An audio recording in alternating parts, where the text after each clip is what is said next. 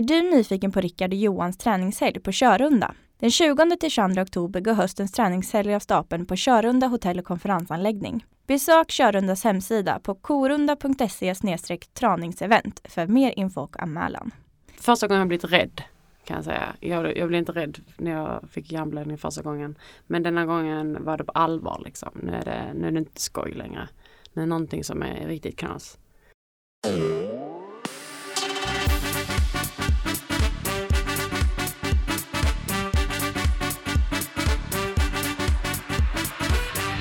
Välkommen till Träna för hjärnan med Rickard Norsan och Johan Norén. Dagens gäst, Anna Dahlbom. Yes! Välkommen! Tack så jättemycket. Ja. Jag såg ju ditt inlägg på Facebook för en månad sedan och kände så här, wow, det här vill jag höra mer om. Så det är väl, eh, och då skrev jag en fråga, fråga om du var intresserad av att komma och nu är du här! Ja. Vi är jätteglada. Tack! Det här inlägget som, som jag såg för en månad sedan när du ja, fick helt enkelt sluta din karriär. Du har en karriär som eh, thaiboxare Yes. eh, och hade väl ett mål att få, ja som många då, SM och VM och hela den här svängen men var tvungen att lägga av lite i förtid. Förtid. Ja. Eh, hur kommer det sig? Ehm, jag eh, måste sluta med thaiboxningen på grund av hjärnblödning. Eh, som jag fick i december förra året. I, de, i, de, i 2016 blev det ju. Ja. Eh, och eh, det var inte jätteomfattande men eh, 3 millimeter på vänster sida. Ehm, och eh, alla, alla läkare sa självklart till mig, du måste sluta, du måste sluta. Du kommer dö i ringen om du fortsätter typ. Eh, men jag eh, vägrade lyssna helt enkelt och bara jag ska jäklar komma tillbaka starkare än någonsin. Ska ta alla i ringen. eh, och eh, jag vilade eh, några månader från all träning och eh, körde rehab för hjärnan helt enkelt. Och blev friskförklarad av läkarna. Så jag kom med i landslagstruppen nu till EM i oktober i Paris och började träna stenhårt inför detta då och kändes ruggigt bra med min kropp, den fysiska mentaliteten, allt satt verkligen.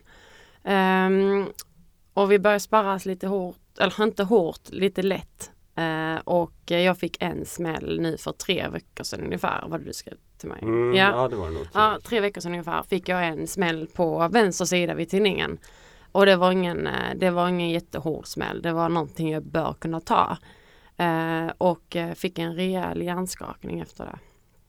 Eh, och efter det har eh, dels jag insett att jag måste nog sluta med, med det jag älskar mest av allt. Och läkarna, jag har varit hos två olika läkare eh, som ska vara experter på hjärn, hjärnan. Liksom.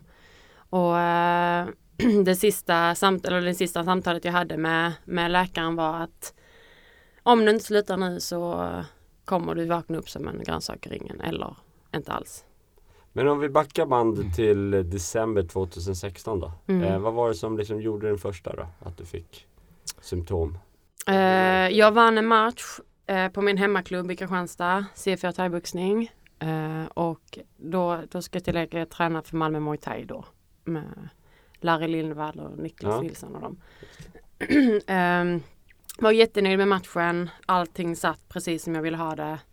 Rytmen, rörelserna, du vet, du vet vad jag snackar om. Ja, Ja. Det, det är vissa matcher som är sådär som man känner att nej, jag vill gå en till direkt Ja men efter. exakt. Ja. Det, var, det var skitkul verkligen och känner nu, nu är det början på något stort liksom.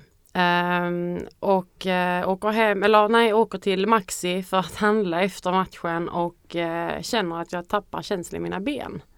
Eh, och måste sätta mig ner mitt på, mitt, mitt på Maxi-golvet och börja slå på mina ben precis som någon som liksom vaknar till liv nu liksom. Bara kom igen. Och eh, så gick jag upp som vanligt igen och eh, kände mig väl helt okej liksom. Men eh, snurrig yr och dålig, dålig syn. Framförallt hade jag svår bilväg hem. Väldigt eh, flummigt. Eh, och efter det så eh, tappade jag minnet. Minns inte liksom hur matchen slutade vilka smällar fick jag in liksom och hur, hur, den här känslan som jag hade precis efter matchen, den bara fanns inte där. Jag bara, vad fan hände egentligen nu för typ en timme sedan? Eh, så det var nog då jag fattade att det var någonting som var lurt. Men inte att det var något med hjärnan, det, det hade jag ingen aning om. Och det ville jag väl inte veta heller. Jag ville väl inte fatta det antar jag. Så jag trodde väl att jag hade typ gått in i väggen, tränat hårt, bantat inför matchen. Mycket känslor på samma gång. Liksom. Så vi såg där allting började, symptomen. Att, och sen dagen efter vaknade jag upp och jag minns att jag vaknade att min kudde var alldeles blöt på äh, vänster sida framförallt. Då hade jag legat och dreglat hela natten. Så det var mm, fräscht. Men äh, och att jag inte fick fram, jag, jag tänkte vad jag ville säga men jag fick inte fram det i meningar liksom. Så det blev mest att jag blev tyst. Eh, och uh, jag vill, då bodde jag hemma hos mina föräldrar den helgen. Uh, så jag sa inget till dem så mycket, jag var mest för mig själv liksom. Var det någon som märkte något? Det var inte någon som märkte något då nej. nej, för jag, jag sa inte till någon.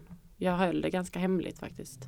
För mina föräldrar framförallt. Jag sa till dem att jag hade lite ont i huvudet. Och, och det är väl inte konstigt efter match tyckte de.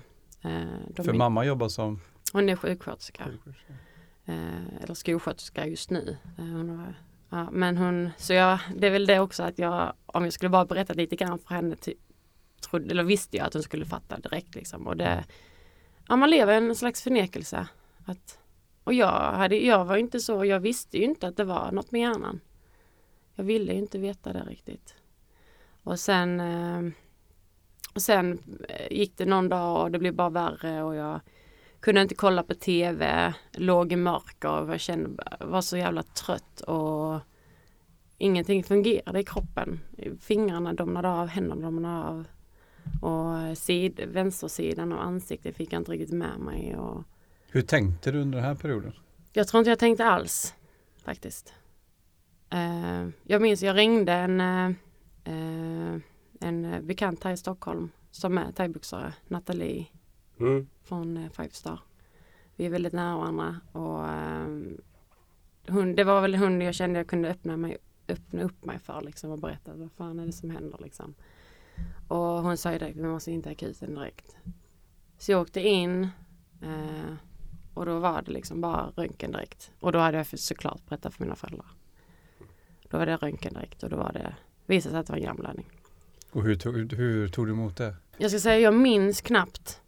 För det blir bara så här, ni kan tänka er att när ni hör, jag minns att jag sit, sitter i det här rummet med den här läkaren framför mig och, eh, och han säger att jag har en hjärnblödning och allting bara stannar upp. Allting bara blir som en slow motion runt en. Om, man kollar, om jag kollar åt sidan så bara stannar hela världen upp och det var bara som att tiden var stod still.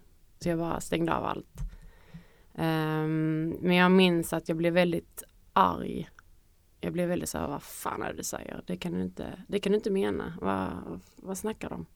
Alltså det var verkligen hugg direkt liksom. Så jag minns bara, gick ut från rummet, bara slängde igen dörren och bara Så kan du inte säga till mig. du tar men, hela mitt liv ifrån mig liksom. Ja men precis och det var det som jag tänkte på. För någonstans, jag bestämde mig själv för att sluta min karriär när jag hade uppnått det jag ville. Jag kände att jag har ingenting med att bevisa, jag har vunnit det jag kan. Men att behöva sluta i förtid på en skada måste ju också sätta sig. För jag vet ju också när jag ändå hade gjort det här valet att sluta själv att det var mm. jobbigt. Mm. För att vem är jag nu? Vem ska jag bli nu? Nu är jag inte den här duktiga kampsportaren som jag var tidigare. Nej. Hur har du liksom hanterat det? Eh, det blir en fruktansvärd tomhet. Det är precis som det är ens, ens identitet liksom. Eh, och, men eh, då i december var det fortfarande så att jag det kvittade vad, vem, alltså vad de sa till mig för jag, jag hade bestämt mig för, för att fortsätta. Eh, det kvittade alla de flesta, de flesta har ju sagt till mig att du ska nog släppa detta nu liksom och gå vidare. För det kommer inte vara hållbart, du kommer ändå inte kunna komma upp till toppen om några år. Eh, men eh, som sagt jag blev friskförklarad efter ett tag och eh, började kriga, kriga på igen liksom. Och eh, ville visa för mig själv att jag, jag kan visst och jag ska, jag ska detta. Det är detta jag älskar liksom. Blev det lite som att motbevisa att det läkaren och det de säger är fel, jag kan? Alltså, jag vill inte säga att det var så men ja det var det. Ja. Det var det. Det är många som, som har det som, Mm. som en liksom så här drift och vägrar att ge sig så här bara Mm. Okej du säger så, nej men jag ska nog motbevisa. Det är en väldigt stor sån Ja. drivkraft. Jag ringde ju min läkare efter ett tag och bara sa, vi har ju ingen hjärnblödning längre. Det är väl okej nu liksom, typ så här, tre veckor efter hjärnblödningen. Bara, nu är jag väldigt frisk. Ja. Han bara, Anna du kommer ju inte bli frisk just nu. Du, liksom, det är en lång period att återhämta sig. Hur var det? Hur var rehabprocessen från Alltså, det att du det var- fick eh, hjärnblödning tills det att du blev friskförklarad? Vad innebär det att bli friskförklarad? Det var mest vila för mig. Eh, jag blev sjukskriven från mitt dåvarande jobb och uh, bara låg mest hemma i en soffa tyckte jag och i mörker framförallt. Jag, kunde, jag var väldigt, väldigt ljuskänslig och stress, alltså stress kunde jag inte hantera överhuvudtaget. Uh, men den, den perioden var jag väldigt ledsen så det var ju, jag var mycket inne, eh, alltså jag kände väldigt mycket känslor. Uh, men det var, sen började jag på yoga för att jag behövde ju träna något men jag fick inte, jag fick inte springa, jag fick inte cykla, jag fick inte thaiboxas. Och fan ska, det var simning, promenad eller yoga. Då tog jag yoga för det var mest svårt tyckte jag. Ja, vad fick du för förhållningssätt då under den här vilan? Vad, liksom, vad ville man att du skulle göra för att bli frisk eller hel? Alltså det var i stort sett vila. Alltså återhämtning. Och sen gick jag på eh, så här lite hjärngymnastik. För att åter, alltså återfinna mitt minne, mitt närminne. Berätta hjärngymnastik. Nej men det var sådana här basic, saker med sådana som man gjorde när man gick i skolan känns det som. Med sådana här bilder och vilka var likheter med den bilden och vilka var olikheter och lite eh, komma ihåg namn och siffror och siffror kombina- kombinationer och, och så här. Hur var det i början då? Fick du liksom Det var skitsvårt. Ja. Shit. Och jag bara, fan är det som händer alltså? Tre år igen typ. Wow. Men, och jag har alltid varit den som har kunnat bolla med väldigt många bollar i luften samtidigt och väldigt stresstålig. Eh, och det gick ju verkligen inte. Bara, till slut bara, okej vad var det nu jag började med? Var det var det, det eller det? Så, just det, det var det. Och då får jag gå tillbaka till det. Och det så är det fortfarande idag. Jag har hela min telefon fullsmäckad med påminnelser. Bara, det, det, det. På den platsen, på den gatan, det numret. Om man pratar om den fysiska träningen sa de att du inte fick göra någonting fysiskt för, för hjärnblödningens skull eller skulle du göra lite fysisk träning, promenad eller någonting? promenad gick jättebra. Ja. Men inte att Men fick du sjuk, sjukgymnastik? Ja, ja, ja, ja, ja. ja. Men inte att ta in med musklerna och spänna huvudet. Alltså det var ju det att jag inte fick spänna. Så, så fort jag spände mig i huvudet eller ansträngde hjärnan så fick jag ont i huvudet. Så det var ju så här om jag skulle styrketräna och lyfta tungt liksom. Så spänna mig hela, hela kroppen och koncentrera sig. Och det, det var väl det de var rädda för. Liksom. Ja. Och framförallt att trilla, att slå i huvudet. Så det var så här, jag fick knappt cykla eh, eh, långa sträckor ute på gatan och så. Du nämnde det här med känslor också. Hur, hur hanterar du alla känslor och tankar som kommer i, i samband med att man får ligga hemma och fundera på soffan? Eh, det var fruktansvärt. Det var ju liksom, det är ju... Eh, i va- jag stänger nog av och sväljer ganska mycket känslor. Eh, om jag är med folk. Jag visar mig sällan sårbar liksom. Eh, men just då bodde jag själv och hade min egen lägenhet och kunde gråta hur mycket jag ville. Men jag blev väldigt så här frustrerad och arg. Jag behöver liksom få ut det på något vis. Men det blev väldigt tyst. Tyst och ensamt. Ville inte träffa folk och ville inte, ville inte göra det jag egentligen brukar vilja göra. Så eh, nej, det var jobbigt. Det var Men- jobbigt. Ja, nu när man hör på det här så en, vet jag att en del är ju så här fördomsfulla. De bara ah, kampsport är farligt, thaiboxning, ja det är ju livsfarligt. Kolla nu, nu har jag det rätt, det är, man får hjärnblödning. Men när man gör, när man får en sån här hjärnblödning så går man ju tillbaks lite i tiden också. Mm. Mm. Och då kan man ju, om vi relaterar till ditt liv så kom ni fram till att hjärnblödning kunde ha uppstått långt tidigare än din thaiboxningskarriär. Ja.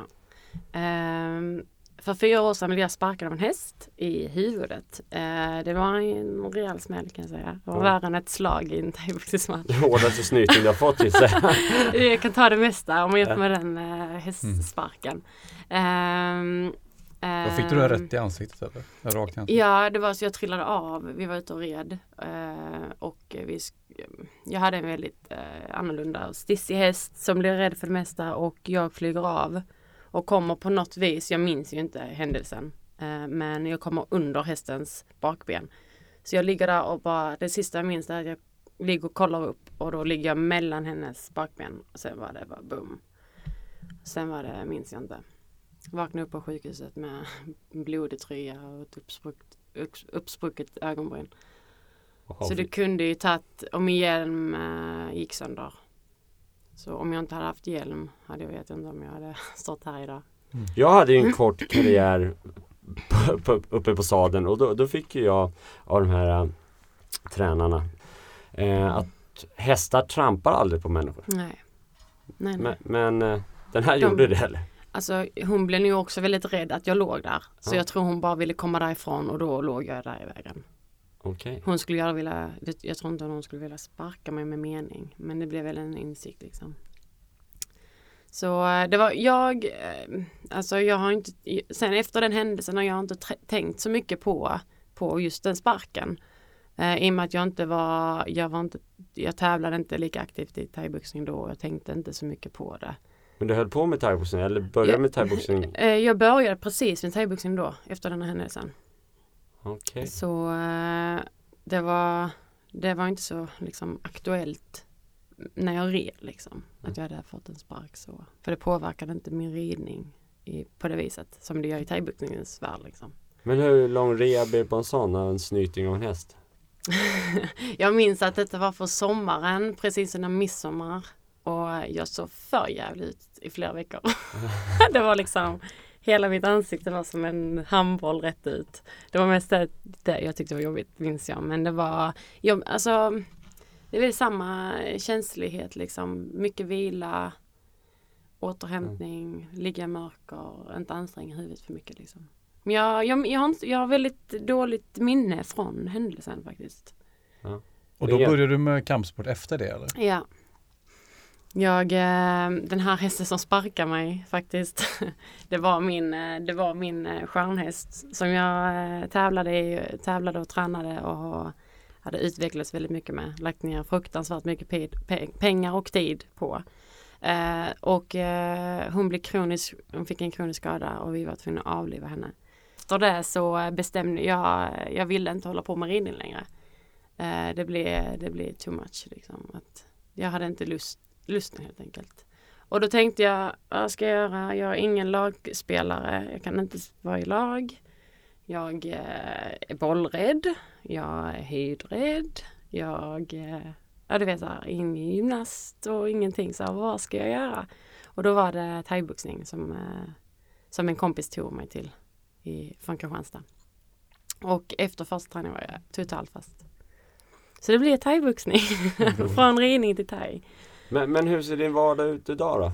Eh, Min vardag idag. mm. Eh, eh, ja, min vardag idag. Nu, eh, jag har precis startat mitt företag Mm. eh, inom eh, personlig träning, kostrådgivning och hela hälsans värld. Eh, det som har varit min dröm länge. Ja. Så just nu när jag vaknar så tränar jag oftast. Sen åker jag till gymmet, tar klienter. Vilket gym, vart håller du till? Jag bor ju i Malmö Ja, och eh, mitt, mitt, eh, mitt gym är The Raw Gym i Limhamn heter det. Där jag har mitt egna företag, AD Strength and Training. Eh, så jag hyr mig in på det gymmet. mm. Så jag får göra mina, alla mina klienter där. Superbra. Lite utsidan från eh, stan. Jätteskönt. Ehm, har mina klienter. Bor väldigt nära så jag kan liksom åka hem när jag vill när jag, mellan klienterna. Ehm, jobbar lite på datan. Gruppträningar på kvällar. Sen tränar jag just nu crossfit. Har jag mig på. Mm. Så det kör jag fullt ös. Men hur många klienter, för jag kan tänka mig då att du fortfarande behöver egen tid och vila Mm. under, under, för att om man kollar miljö som ett gym är eller Mm. så, så är det ju mycket ljud Mm. runt omkring och det måste väl Mm. påverka dig väldigt det, mycket. det känner jag nu faktiskt att det, det är lite jobbigt. Eh, det är det jag menar att jag vill helst mellan klienterna om jag kanske har en och en halv timme mellan så åker jag jättegärna bara hem och Mm. bara slappar liksom. Eller ut och går en promenad eller vad som helst. Men inte så mycket mer ljud Nej. utifrån de eh, timmarna jag är på gymmet. Sen eh, byter jag miljö när jag kommer till crossfiten, vilket är jätteskönt. komma från gymmet lite. Det är jätteskönt. Men det, just nu känns det jättebra Mm. med min tillvaro liksom. Mm. Hur, har du upplevt, eller hur upplever du det här med att ha en utmaning som kanske inte riktigt syns utåt? Mm. Har du, hur har du upplevt det? Det är det som gör mig mest frustrerad idag, att jag inte ser min skada. Jag har inte en bruten arm, jag har inte en axelled liksom. Att det sitter i hjärnan och det, eller i huvudet och det är ingen som ser det utifrån förutom jag. Och jag ser inte heller det men jag känner ju det. Och det är jättejobbigt. Det framförallt för mig tror jag, att jag, det är svårare att acceptera skadan. När jag inte kan ta och känna på den på samma sätt. Om man tänker på det ordet ensamhet, att Mm. okej, det kanske inte riktigt någon som förstår. För det är Nej. svårt för någon att förstå något man inte förstår. Ja, Och det är ju precis. ännu svårare om det liksom är dolt om man säger så. Ja. Många upplever ju en ensamhet Mm. i det, att det är ju ändå ingen som förstår mig Nej. och det är liksom en frustration och en Mm. sorg i det. Hur har Mm. du hanterat det? Nu, känner, nu umgås jag nästan bara med eh, thaiboxare och kampsportare. Liksom. Det är min umgängeskrets i med träningen. Så det har ju varit, jag har ju haft fruktansvärt jättemycket stöd från dem och de har ju ändå förstått. Hoppas jag. Eh, och min pojkvän eh, tävlar och tränar i MMA så det känns också väldigt Eh, väldigt stöd. Men eh, det är fortfarande folk som jag inte orkar, jag, jag kan säga jag orkar inte lägga så mycket tyngd på min skada till dem för att det, det känns bara som att det, de förstår ändå inte riktigt vad jag förstår eller vad jag går igenom. Eh, och eh, det som vi sa innan att ja, men thaiboxning är ändå så, så himla farligt och du skulle ändå slutat med det om några år liksom. Så det spelar väl ändå ingen roll att du slutar nu. Men jo det gör det. det det, det är det sista jag vill att det ska hända. Mm. Det här då, för det tycker jag är intressant det här med bryta tankeprocesser. När man ligger exempel hemma på soffan. Mm. Det är självklart att man är ledsen och det är mycket tankar och känslor. Hur ser du på det här vikten av att komma ut och bryta tankeprocesser? Det är A och O. Eh, Och det har jag gjort. Eh, Jag kan säga att thaiboxning har varit för mig eh, mitt, min medicin. Jag lider, eller jag har tidigare haft fruktansvärt mycket ångest, dålig självbild, eh, panikångestattacker och eh, varit hos psykolog många år. Eh, och det har ju min thaiboxning hjälpt mig eh, att bota det eller känna mig liksom lugnare i, i själen. Det är ju den enda gången som är tyst i min, mitt huvud, det är när jag thaiboxas. Då kommer vi in på en annan aspekt som jag tänkte, för du var ju mitt i karriären där innan. Jag vet inte, hur många pass tränar du i veckan då? Då tränar jag ju, pff, låg på 11 pass i veckan. 11 pass i veckan till ingenting. Ja.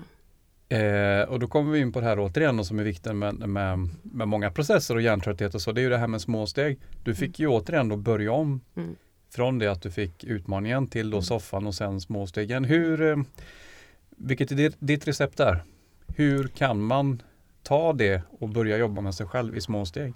Jag såg ju bara att jag skulle vinna ännu fler matcher och visa för mig själv att jag verkligen kan thaiboxas. Så jag började om nästan liksom, jag, jag berättade jag gick på yoga. Jag blev lite smidigare i kroppen, eh, fick lite skvavan, skvavan, vad heter det? Skvavan, Skavanker. ja exakt, Ja. att läka ihop och eh, bli lite bättre i sinnet, lite lugnare, mer stresstålig. Eh, och sen började jag nöta tekniker på, eh, på eh, säck. Eh, hur man slår ut en japp till exempel och hur jag skulle få in höften mer i slagen, hur jag skulle få in höften mer i sparken. Hur jag skulle tänka i ringen. Eh, så jag gick tillbaka till botten egentligen. Jag stod, jag vet inte hur många timmar jag stått på, slått på de här säckarna på träningar för jag fick inte vara med och sparras. Så jag gick dit och bara slog utan handskar. Jag ville bara se hur min, min hand kom på säcken, hur jag skulle ta, knyta handen och det, ja, så det jag började om från start liksom.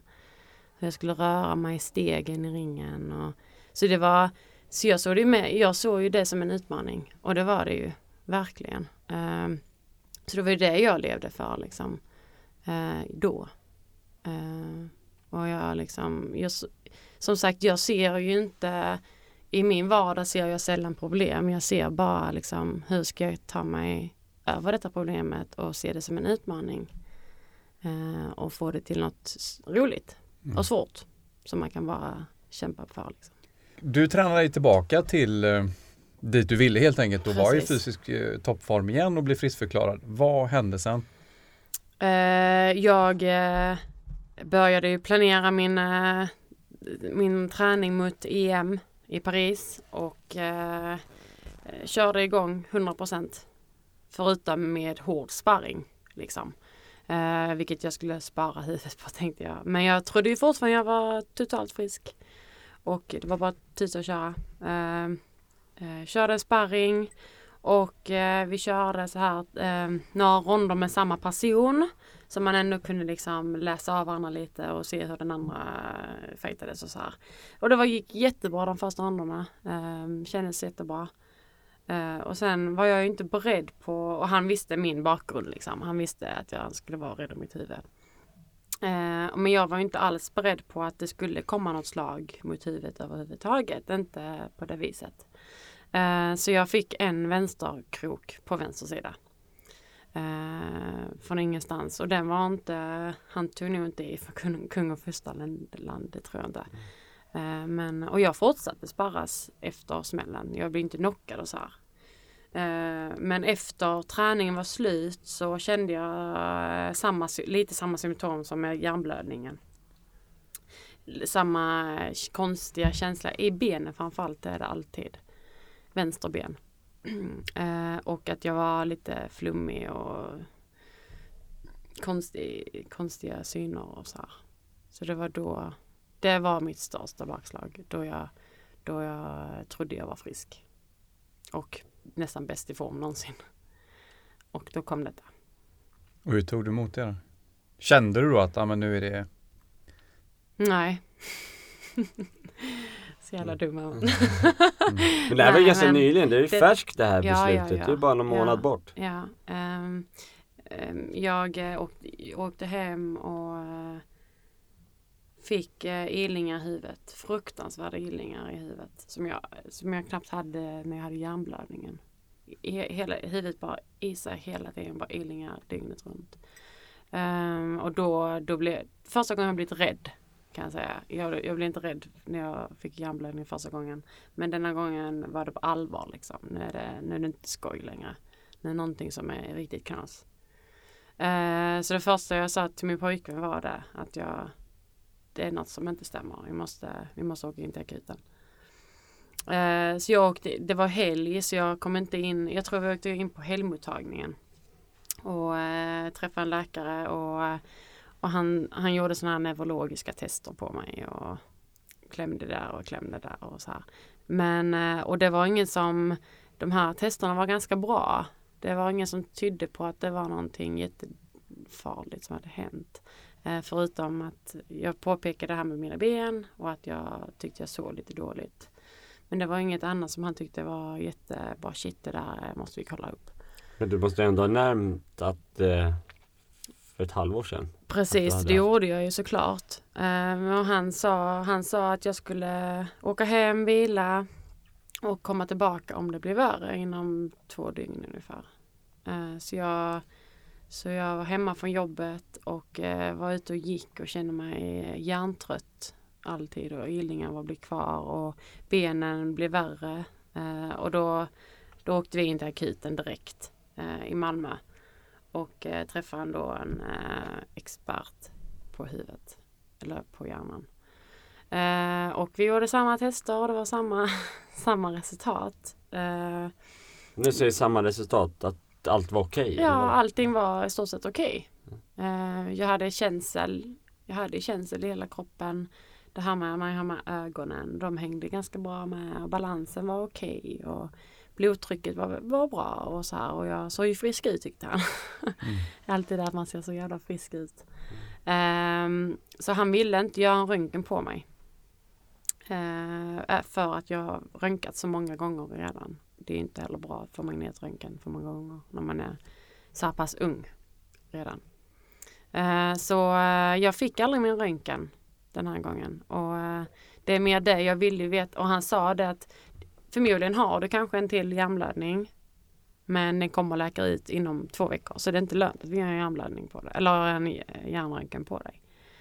Eh, eller så har du bara en eh, väldigt stor hjärnskada eller hjärnskakning. Men eh, det spelar ingen roll för du, du ska sluta med thaiboxningen. Så det var, eh, och det var, det var jobbigt att höra det. Och att, att eh, eh jag sa bara, men vad händer om jag inte slutar då? Vad, kan jag fortsätta liksom? Kan jag ändå träna och kan jag det? Och, så här. och kan jag kanske komma tillbaka om två år om jag vilar nu från thaiboxningen i två år kan jag nog komma tillbaka sen. För då har jag gärna vilat tyckte jag.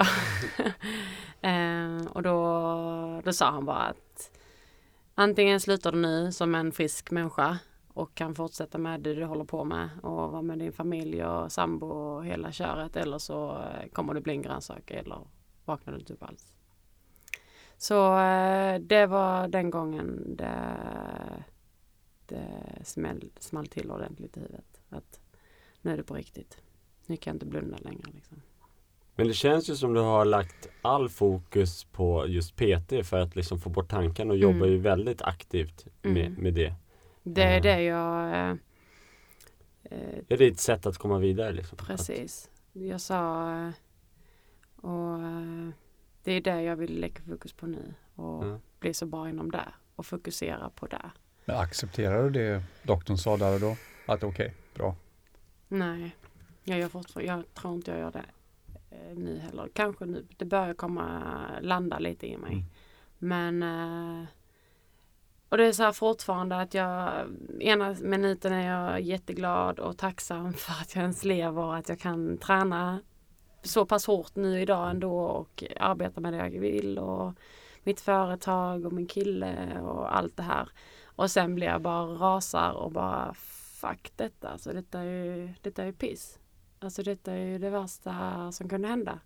Och du vet, jag, Hur gammal är du? jag är bara 21 år gammal. Ja, wow. Ja, Så det är där, fine om detta hade hänt om jag var 35 kanske. Hade gjort hela min karriär liksom i thaiboxning. Men det är nu jag skulle växa som mest som fighter och eh, komma så långt som möjligt på det liksom. För att jag älskar det. Det handlar ingenting om pengar. För det här har inga pengar i sig thaiboxning. Så det är bara ren kärlek liksom till sporten. Och jag, eh, folk säger ja du kan ju coacha och du kan ju träna och du kan göra det och det och det och du kan starta en egen klubb. Men det är inte riktigt det jag liksom, jag vill vara där det smäller liksom. I ringen. Jag tränar för att, fight, för att tävla och för att alltså utmana mig själv på eh, gränser som jag inte trodde fanns. Men du kanske har funnit en, en större kärlek till dig själv? Absolut. Det är, jag har börjat acceptera mig själv mer nu. Bara på några veckor. Bara shit, vad hände där? Liksom. Och känna, mer, mig, känna mig sårbar faktiskt. Att, att det är okej att vara ledsen. Det är okej att inte vilja göra något denna fredagen. Liksom. För du vill kanske bara vara själv. Eller ut och promenera. Liksom. Eh, så det är jätteskönt, verkligen. Men det är mer att det är liksom overkligt att detta eh, att, eh, att det hände. Det är mer det jag har jag sa till min, jag minns att jag sa till min, eh, då var det en tränare innan matchen i december som skulle bli min sista match. Att eh, jag tror det var dagen innan att alltså, shit tänk så vaknar man upp en dag Niklas om, och inte kan göra det man älskar mer liksom. Och, eh, och så bara fan det är jag. Det är jag som inte kan göra det jag älskar längre. Så det är mer det att det var så himla jag var inte beredd på att det skulle hända. Att eh, det var så overkligt. Det var så långt ifrån mig från Mm. början och sen så var, kom det så nära. Men så efter, snabbt. efter den här första hjärnblödningen i december tills det som hände var nu för en månad sedan. Har du någon gång nu med liksom om vi backar bandet kunnat känna så här Wow, ja, där var jag jättetrött och där var jag faktiskt tvungen att gå hem efter jobbet. Kan du liksom reflektera och backa bandet och känna så här nu när allt har hänt? Ja, verkligen. Det är nu det pusselbitarna börjar falla på plats. Liksom. Att, att eh, varför jag har blivit så utmattad framförallt. Inte bara trött, alltså utmattad i hela kroppen. Att jag orkar inte prata med den personen idag. Jag orkar inte diskutera en, det här i skolan eller på jobbet. Eller, jag orkar inte sitta en hel, en hel timme och lyssna på en människa. Det går bara inte liksom. Och det här med benen framförallt att jag varför jag blir så fruktansvärt trött i mina ben och att jag inte häng, kroppen hänger liksom inte med. Det är någonting från toppen till knoppen som inte riktigt stämmer. Och det är det som börjar falla på plats nu. Men du sa tidigare här att du, du gick och pratade med en terapeut och, och så. Mm. Och när var det i livet? Under vilken period? Vad var det som hade hänt då? då? Ehm, För det som vi pratade om tidigare med många, många det är att våga söka hjälp Mm. när det är jobbigt. Mm. För att komma därifrån. Mm. Eh, som jag sa innan, jag har haft väl, jag har väldigt mycket ångest och eh, eh, dåliga, jobbiga tankar. Så jag, jag tror det är så många människor som har det. Men de säger såklart, de säger ingenting. Och ehm, jag, eh, jag övertränade. Eh, hade en väldigt konstig syn på mig själv och på mat. Och eh, det blev slags, eh, det kallas ju idag ortodoxi. Om ni har talat om det? Jag vet inte, Mm. vad är det? Det är ju att man är liksom, vad ska man säga, att man är ju liksom eh, besatt av träningen och maten. Eh, och allting ska vara, eh, jag hittar inte rätt ordet. Men eh, Det man är liksom, kan man väl säga. på något Ja sätt, men exakt, ja precis. Eh, att man är liksom, man kan inte göra allt, allting som man gör i sin vardag handlar om hur man ska liksom förbränna mer kalorier och äta lite kalorier och alltså du vet allting bara kretsar kring maten och träningen.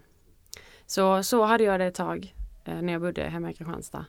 Är det för att man vill uppfylla den här idealkroppen som man någonstans... det börjar där någonstans. Eh, och eh, det leder ju oftast till, det är en slags ät- ätstörning Mm. men det är inte klassat som en ätstörning. Eh, det leder ofta till anorexi och bulimi och det här. Och eh, det är jättevanligt bland elitidrottsmän fast de inte ens tänker på det själva kanske men att de är så fruktansvärt besatta av ett perfekt hälsosamt beteende som Mm. blir ohälsosamt. Och det är en väldigt hårfin gräns mellan vad är hälsosamt beteende och vad är ohälsosamt beteende. Det är där vi hamnar någonstans med problemet. Så det var nog där det började att jag att jag botade all min ångest och mina panikångestattacker med att träna och att äta mindre. Och på eh, detta viset blev det ju såklart en, en eh, skadlig process. Liksom. Eh, Tänkte du jag- på det under den processen? Tänkte du så som du tänker nu? Nej, nej, nej. Det var min kompis som sa till mig att eh, jag kommer att dra dit där, om inte du går själv dit. Och eh, det var kollapser och det var om jag inte, om jag minns att jag, om jag, om jag tränade thaiboxning i två timmar på kvällen och inte var nöjd så sprang jag två mil liksom, bara för att bestraffa liksom att det där var inte bra gjort. Eller om jag åt den här lilla kakan att jag, ja då får jag träna fyra pass i morgon istället för två liksom. Så det var hela tiden att det liksom bara blev värre och värre och värre. Och man blir aldrig nöjd. Aldrig någonsin nöjd med, med sin prestation. Och man såg bara det negativa. Och så hela, hela, sin var, hela min vardag var ju väldigt, väldigt negativ. Inget jag gjorde var tillräckligt bra helt enkelt. Och när var det här i ditt liv? Och detta var, vad kan det varit? Var det innan hjärnblödningen eller? Var Ja, det? ja, ja. Kanske två år innan hjärnblödningen. Okej. Något sånt. Hur lång tid tog det innan du kom ur det där? Eller blir man någonsin frisk? Ja. Eller Finns det, ligger det lite latent? La, Det latent? ligger, det ligger fortfarande kvar där eh, och jag kan säga den tiden jag gick hos, då gick jag hos KBT-behandling. Då ville jag nog inte bli frisk och då kommer du inte bli frisk om inte du vill bli frisk. Så jag tyckte mest eh, eh, min KBT eller min psykolog var jättebra, superbra. Eh, Men jag var nog inte redo till att bearbeta och bli frisk då. Men Eh, vad sa din terapeut under den här tiden då? Vad, vad pratade han om? Hur kunde ett samtal låta? Eh, Det var ju mycket liksom det handlar om vad jag, min, eh, att jag skulle börja tycka om mig själv. Mm. Som jag är. Jag är ju Anna Dahlbom liksom. Jag är ingen annan. Och, eh, eh, och bara nöja mig med, med att vara jag. Jag kan inte vara någon annan liksom. Och det försöker jag jobba med fortfarande idag. Att jag lite mer avslappnat och bara acceptera liksom att det är så här det är och eh, vi får, vi får jobba på detta liksom. Men jag är fortfarande Anna Dahlbom. Så det var mycket fokus på att man ska hitta sig själv och en eh, någon sinnesro. Vågar du berätta för folk att du hade tagit hjälp? Att du gick och pratade? Nej, det du? var jobbigt. Ja. Jag, hade, jag hade några, några jag, som jag vände mig åt. Dels min thaiboxningstränare Driton Rama. Han, var ett, han jobbar ju som, han har ju det här, är ju psykolog. eh, I grund och botten, om jag inte säger fel nu. Eh, men han var, han var jättestöd för mig. Eh, så det var han och min mamma också. Mm. Eh, så, men annars var jag ganska tyst om det. Eh, Jag har ju själv Mm. gått och pratat så i, i perioder, eh, både när jag mått dåligt och sen bara för att liksom Nej men få, få olika, vad ska man säga, synvinklar på saker och ting. För oftast så, de man umgås med håller ju oftast med en. Mm, De är, nej men så här är det. Så då Mm. det man själv tänker förstärks ju bara. ja. Men då går och pratar med någon då psykolog eller terapeut eller något sånt där. Det som jag, jag, jag sa så här, men jag ska, gå, jag ska gå och köra det här i två månader. Så gick jag och pratade och de första fem gångerna då tyckte jag han var totalt dum i huvudet. Ja, ja, ja, ja. Jag bara, vilken jävla idiot. Han tycker inte som mig. Nej, nej, nej. Tills på slutet när han knöt ihop där och fick mig att tänka och se saker på andra, Mm. andra synvinklar. Det var verkligen så här, Det wow. jobbar ju var ballt. att de, de här professionella psykologerna de sätter ju verkligen i en knipa. Mm. När man sitter där i den jävla fåtöljen och Mm. jävligt bekvämt men de ställer ju frågor som man har alltid undvikit. Mm. De sätter ju sig in i situationer där man bara vill fly, fly, fly men Mm. man, man kan ju inte det där liksom. Det är därför vi känner så att man vad fan snackar du om? Mm. Täpp igen din käft liksom. Ja, ta upp garden för nu kommer en Ja, vänster men höger. lite så. Det är lite så. Ja. Men det är nyttigt. Ja. Sitter du hemma och känner att du har fastnat eller har uh, så, så ta, ta hjälp. Ja, Jag tror det är absolut. superviktigt. Jag tror fort, alltså de flesta bör vara, gå och lätta sitt hjärta lite hos någon. Mm. Men och din roll nu då som, som PT och coach, hur, hur mycket känner du att du kan använda det du varit med om nu? Jättemycket. Eller du tänker du på eh, rehabiliteringen eller Ja, tänker du? Allt Tänker möjligt. på hela processen och, och Jo allt men absolut. Jag, om jag inte hade gått igenom det. Jag, jag tror allting att jag tror att allting händer för en mening. Jag, jag, det har jag alltid trott och det kommer jag alltid tro. Eh, så jag, om jag inte hade varit med om detta hade jag inte kunnat eh, så hade jag inte kunnat leverera så som jag gör idag med mina klienter. För man brukar ju använda ett ord där att, eh, att livet gav en en käftsmäll. Du fick ju både en hästspark i ansiktet och sen en, en, en, ett slag i ansiktet. Mm. Men, men kan det vara så att det fick dig ändå stoppa upp lite? Absolut, jag tror eh, när det var liksom eh, vad ska man säga, när, när jag fick hjärnblödning så var jag i en ganska självdestruktiv beteende med alldeles för mycket träning och men du vet Rickard, bantningar hit och man ska ligga på minimumvikten alltid. Ingen social uh, umgänge liksom och det var bara träning, träning, träning, träning. Ehm, mina dagar var liksom träning morgon, jobb, träning och bara vakna och bara rulla, rulla om bandet liksom. Eh, så jag, jag tror om jag inte hade fått den käftsmällen som jag fick så hade det slutat illa. Då hade det slutat riktigt illa. Så jag ser det som en litet wake-up call. Att uh, stopp, stopp, stopp. Nu backar vi. Hur, hur ser dina klienter ut idag? Har du liksom allt från uh, elit?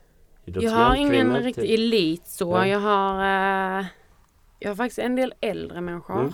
Är inte det jätteintressant? Det är Och, jättekul. och man får liksom så här För där är man ju inte än. Man är ju inte så gammal som dem så man har inte Nej. den erfarenheten men man får ändå liksom här Okej vad kan de göra? Det är ju Precis. Det är ett roligt pussel att lösa.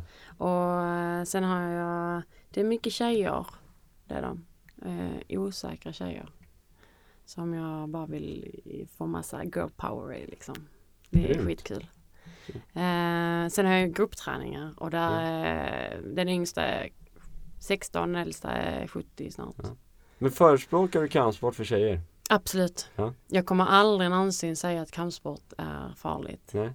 För det, jag kan säga jag har fått mer smällar av en häst än jag har fått en, av en handske liksom. Tusen gånger värre. Ja. Men eh, det gör jag. Det gör Ja. kampsport. Eh, det är en fantastisk eh, sport, verkligen. Ja. Jag tycker också det är just det, den allsidiga träningen så tycker man får liksom kondition Rörlighet, styrka och sen det viktigaste det är ju en självkänsla. Mm. eh, Mm. som man ska ta med sig. Eh, så jag tycker det är en jätte, jättebra sport för tjejer att köra. Ingen, det är inte så att man behöver tävla i det. Nej! det Vad är det, det- 5% på, på en klubb som, som tävlar? Men motion eh, kan inte finna, det finns Mm. inget bättre. Mm. Eh, och det är där jag försöker, eh, jag, nu har jag inte, jag har inte varit på min klubb sen jag fick, när, sen jag tog beslutet att sluta. Jag, jag kan inte, Ja, det är för känslosamt. Eh, och jag har stängt ner typ allt som ham, handlar om thaiboxning. Eh, slutat följa alla på Facebook, Instagram och bara gått under jorden lite med thaiboxningen. För det blir, det, det är fortfarande så starkt inom mig liksom. Eh, så jag, jag söker fortfarande efter någon, något som kan ersätta thaiboxningen men det, men det är svårt att hitta. Som sagt, jag körde crossfit. Men det är jättebra träning och det är jättekul. Eh, men det är fortfarande inte det här det psykiska som det var i thai- thaiboxningen. Att man blir totalt slutkörd i huvudet. Att det Mm. blir tyst i min skalle av det. Att jag blir utmattad nästan av det. Att bli tom i kroppen och bara känna sig levande. Man känner ju aldrig sig mer levande än i en ring. Nej, när man har över, överlevt. Nej, när man men gått en match så känner man wow. Ja. Och de här kickarna och de här endorfinkickarna. Jag, jag vet inte hur jag ska kunna hitta tillbaka till dem faktiskt.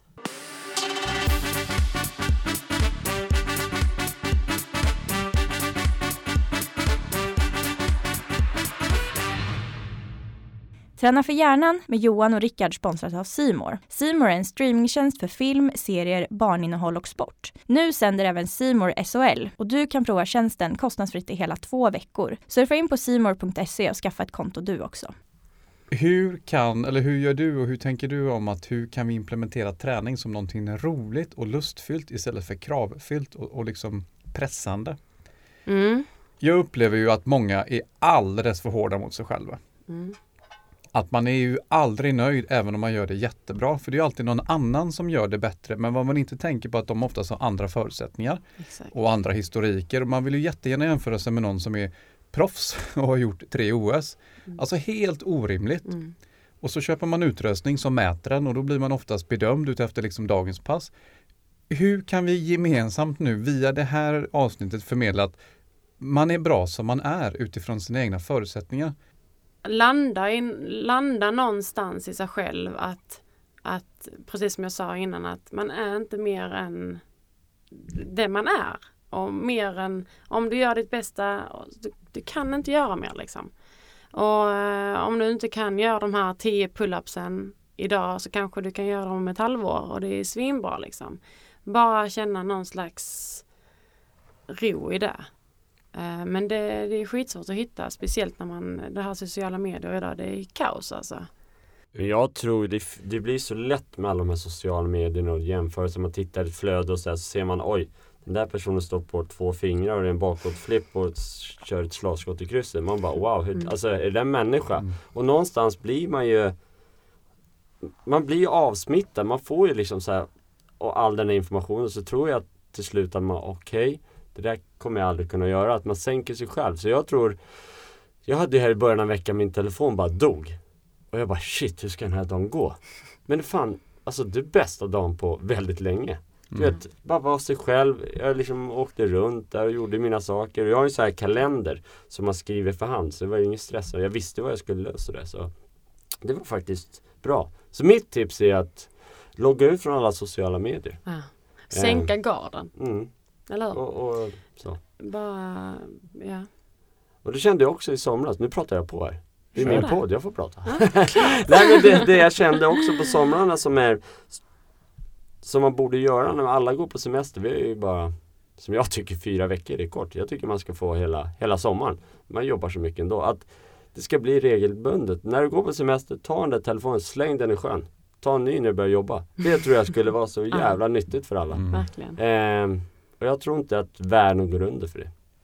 Absolut inte. Det, dagens samhälle är så eh, strukturerat kring det här.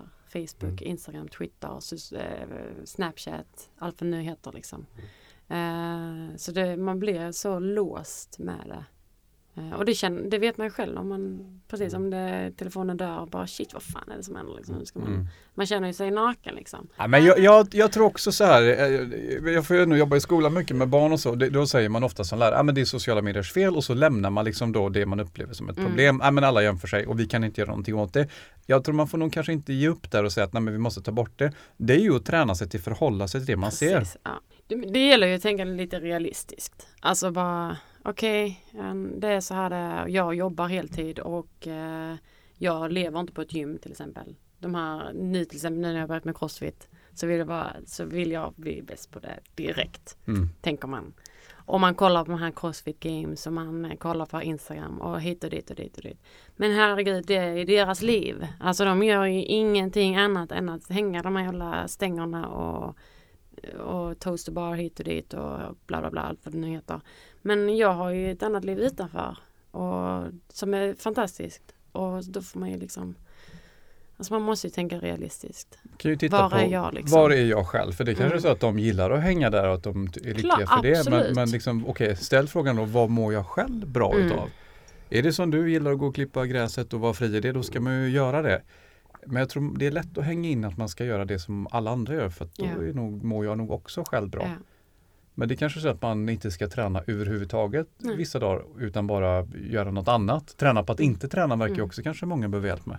Det har jag. Jag har blivit, precis blivit sambo och eh, det är en väldigt stor utmaning bara det att man ska ha en till person att förhålla sig till kanske. Mm. I, alltså när man bor själv så är det bara ja, ja, ja, ja, ja, jag kan göra exakt vad jag vill, när jag vill, hur jag vill. Ingen frågasätter liksom. Men hur funkar det då? Din, han tävlar din kille? Ja, eller han har tävlat lite mer innan, nu är han på väg tillbaka.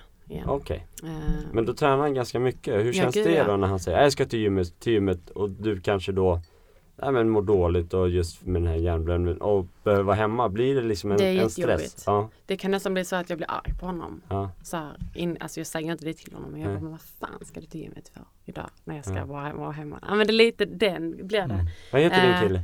Magnus heter han. Ja, hör du här nu Magnus, du får säga att du ska gå och köpa tidningen.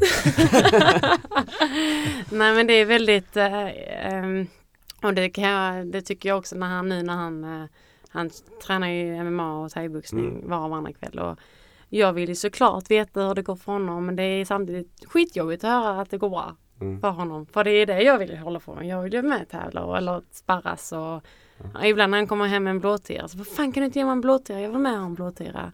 Ja men det är verkligen det här att han gör det jag vill göra liksom. Eh, men eh, utan han hade jag ju, han tar ner mig på jorden så det, han är guld i min vardag. Men Så när, känner jag rätt sällan att jag vill ha en blodtira. Jag tänkte, du vill inte ens sparka i magen ens. vi tänker lite olika känner jag. Oh, jag vill ha en chokladbit. Sen är det fantastiskt att man kan dela det intresset med varandra. Ja, Att man eh, kan träna tillsammans och käka alltså hälsosamt och ha Ja. samma mål. Liksom. men vad är målet då? Är det att du ska, nu kanske det är tidigt att säga, men är det att du ska kunna glädjas åt hans framgångar och i framtiden kunna följa med och titta på thaiboxning? Absolut, Det, det är, ja. ja, Det är det, så ska det bli liksom. Ja. Det är inget snack. ja, vad roligt. Eh, men eh, jag är inte där än. Nej, Det är jag inte. Jag, eh, vi skyndar långsamt. Precis, exakt. Eh, och jag vet ju att han stöttar mig dag som natt liksom. I mina val och mina dagar liksom. Så ja, det är fint. Vi är väldigt tacksamma Mm. att du tog dig tid att komma hit och eh, jag tror det kommer gå superbra för dig i din nya karriär som tränare. Tack så mycket. Eh, och jag önskar dig all lycka till. Vad säger du Johan? Vad kan du säga till våra skånska lyssnare? Ja, att eh, jag tycker att ni ska testa vår kampsport. Eh, Thaiboxning, MMA, boxning, whatever. Eh, det är en fantastisk sport och man ska inte fokusera så mycket på andra. Tänk på vad du vill, vad du älskar och vad du vill göra. Så kommer det bli superbra. Härligt. Vart kan man följa dig? Vad har du för kanaler? Eh, jag finns eh, på Instagram, Facebook och min, min hemsida. Eh, mitt företag heter då AD Strength and Training. Förkortas ADST. På Instagram heter jag adst.annadalbom. Där lägger jag upp dagligen både stories och bilder och hela köret. Och sen Facebook, AD Strength and Training. och sen min hemsida är www.adsttraining.se. Snyggt. Grymt! Så ja, Tack snälla! Tack så jättemycket. tack så mycket. Hej!